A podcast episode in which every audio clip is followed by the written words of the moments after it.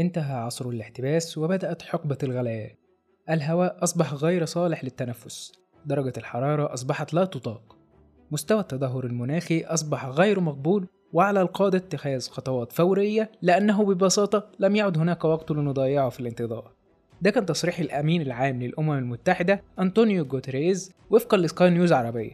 واللي في دقيقة واحدة تصريحه كان كفيل إنه يعمل ضجة وقلق لملايين من الناس. حذرت فيه الأمم المتحدة العالم رسميا بوجود كارثة في مواجهة البشرية وطلب من القادة حول العالم إن هم ياخدوا خطوات جذرية في قضية التغيير المناخي. درجات الحرارة وصلت لمستويات مرعبة حسب وصفه وكل ده مجرد البداية. وبالرغم من تحذير العلماء المستمر بالتغييرات المناخية المتوقعة إلا إن سرعة وقوة التغييرات المناخية بقت أعنف وأسرع من المتوقع.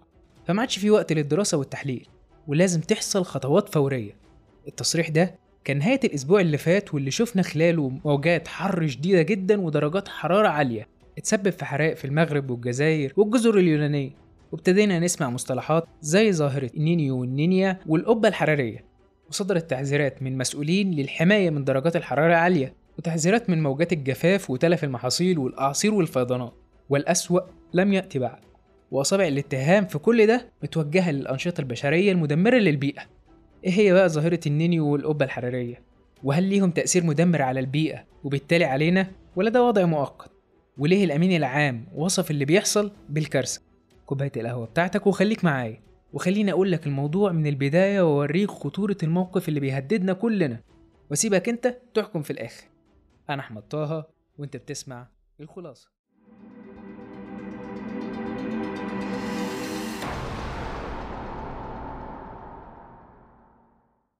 يا صديقي العزيز في حلقة جديدة من الخلاصة.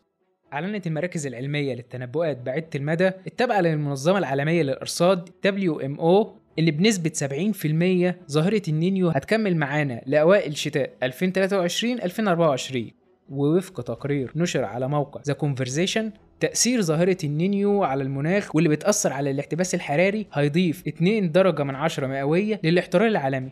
واللي طبقا لآخر إحصائية وصل لأعلى مستوى تم تسجيله وهو 1.23 من 100 درجة مئوية في نهاية سنة 2022 واللي بيزود احتمال تخطيه لدرجة مئوية ونص في 2024 وهنا بقى يجي السؤال إيه أصلا ظاهرة النينيو والنينيا؟ وإيه علاقتهم أصلا بدرجة الحرارة العالية اللي كلنا حاسين بيها؟ وإيه يعني اللي هيحصل لو زادت درجة الحرارة درجة ونص؟ ركز معايا قوي في اللي جاي ده. أول تسجيل موثق لظاهرة النينيو كان في القرن ال15 سجل المستكشف جيرونيمو بنزوتي خلال الفترة من 1547 ل 1550 في أمريكا الجنوبية وأول من توصل لتفسير الظاهرة دي كان العالم الإنجليزي جيلبرت ووكر لما كان في الهند. ولاحظ إن في ارتباط بين قراية البارومتر في بعض مناطق في الشرق وزيها في الغرب. فلما الضغط بيزيد في الشرق بيقل في الغرب والعكس بيحصل. وأطلق على الظاهرة دي التذبذب الجنوبي. اتهاجم ووكر كتير لربطه بين الظواهر دي وبعض. لكن بعد مرور 50 سنة وبالتحديد سنة 1966 كشف العالم النرويجي جاكوب بيركنز وجود علاقة بين الظواهر دي وارتباطها بالتغيرات الجوية وأطلق عليها ظاهرة التذبذب النينيو الجنوبي أو اختصارا ال ENSO. وأكد إن أي اضطراب في نظام الضغط الجوي فوق المحيطات بيأثر في حالة الجو فوق الأرض بشكل عام. وخلينا نوضح النقطة دي أكتر. في الظروف الطبيعية بيتحرك رياح بيطلق عليها الرياح التجارية مياه سطح المحيطات من الشرق للغرب على طول خط الاستواء. المية اللي بتتحرك دي هي المية الدافية وبتحركها الرياح دي من سواحل أمريكا الجنوبية في اتجاه آسيا عشان تحل محلها. المية الباردة اللي جاية من أعماق المحيطات واللي بتبقى محملة بالمواد الغذائية الضرورية لحياة الكائنات البحرية من العوالق عند السطح. لكن ظاهرة تذبذب النينيو الجنوبي أو الإنزو بتغير الوضع ده تماما. وتحصل الظاهرة دي كل من سنتين لسبع سنين. وبتبدأ ظاهرة النينيو بضعف الرياح التجارية فبالتالي ما بتتحركش المية الدافية وبترتفع درجة حرارة المية بمعدل من 3 درجات ل 5 درجات فوق سطح المحيط وبتقل القدرة على رفع المية الباردة المحملة بالغذاء من الأعماق. وطبعا ده بيأثر على العوالق النباتية واللي تعتبر غذاء للأسماك وبالتالي للبني آدمين. وبيتسبب ده في هجرة عدد من الأسماك وموت بعضها الآخر وتزيد الرطوبة فوق مياه المحيط عن المعتاد. أما ظاهرة النينيا هي عكس ظاهرة النينيو تماما.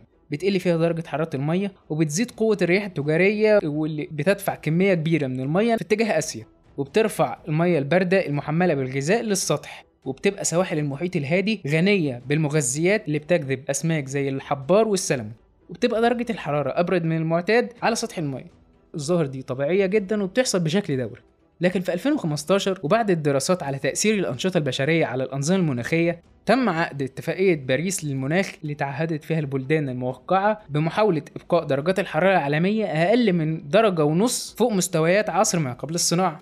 وده بعد ما ثبت علميا إن تخطي الدرجات دي هيترتب عليه سلسلة من الآثار الكارثية على كوكب الأرض وسكانه بطريقة مش هنقدر نتداركها. ووفقا لمنظمة الصحة العالمية ال WHO أثرت ظاهرة النينيو على أكتر من 60 مليون شخص بين 2015 ل 2016 وهددت الأمن الغذائي في المناطق اللي اتعرضت ليها وسببت الأمطار الغزيرة في تفشي أمراض خطيرة زي الكوليرا والتيفويد والملاريا. وطبقا للإحصائيات أقوى ظاهرة نينيو في القرن العشرين وعلى مدار التاريخ كله كانت بين سنة 1982 و 1983 وتسببت في حدوث كوارث بمعظم قارات العالم منها موجات جفاف وحرايق في أستراليا وأفريقيا وأندونيسيا أمطار غزيرة في بيرو ووصلت الخسائر في السنة دي لحوالي 13 مليون دولار ومات بين 1300 ل 2000 شخص وانتشرت الفطريات والبكتيريا والفيروسات وبالتالي الأمراض زي الالتهاب الكبد الوبائي والالتهاب الدماغي والتيفويد والكوليرا والملاريا وكثره الآفات الزراعية زي القوارض والحشرات والبعوض والتعابين. تأثيرها ما وقفش لحد هنا. كمان كشفت دراسة للباحث كريستوفر كالهان اللي حصل على الدكتوراه من جامعة دورتموث في كندا تقييم للنشاط الاقتصادي العالمي بعد خمس سنين من حدوث ظاهرة النينيو مرتين تاريخيا. مرة بين 1982 ل 1983 والتانية بين 1997 ل 1998 ولقى إن الخسائر وصلت لأربعة واحد من عشرة تريليون دولار وخمسة وسبعة من عشرة تريليون دولار على التوالي. وتنبأت الدراسة إن مجموع الخسائر اللي هيخسرها الاقتصاد العالمي على مدار القرن الواحد وعشرين بسبب ظاهرة النينيو هتوصل ل 84 تريليون دولار.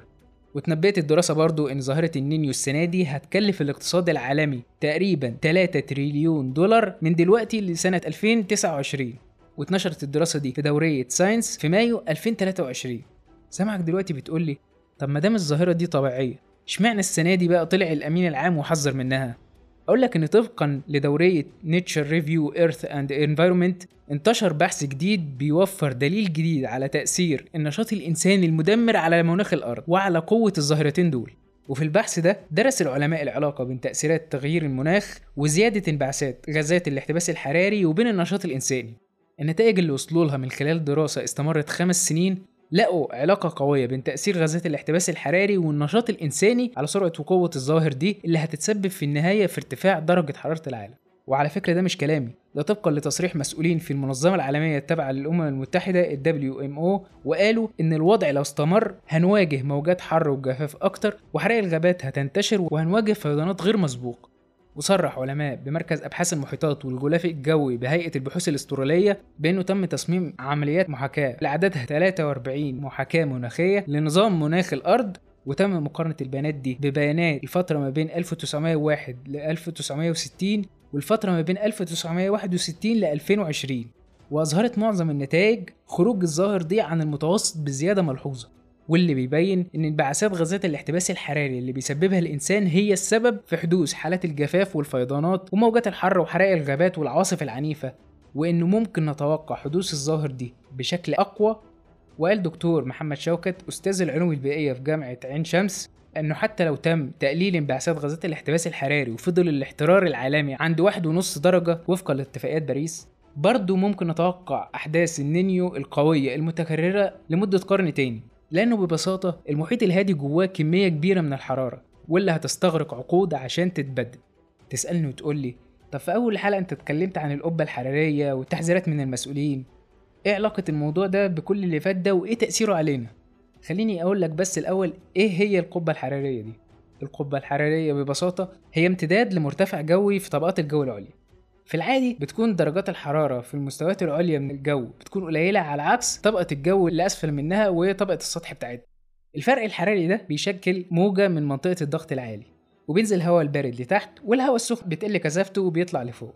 لكن اللي بيحصل دلوقتي هو إن الهواء السخن بيطلع من الأرض لأعلى وبيصطدم بمنطقة الضغط الجوي العالي وبيفضل فيها والشمس بتفضل تزود حرارته وبتقلل كثافته وبيرجع ينزل لتحت.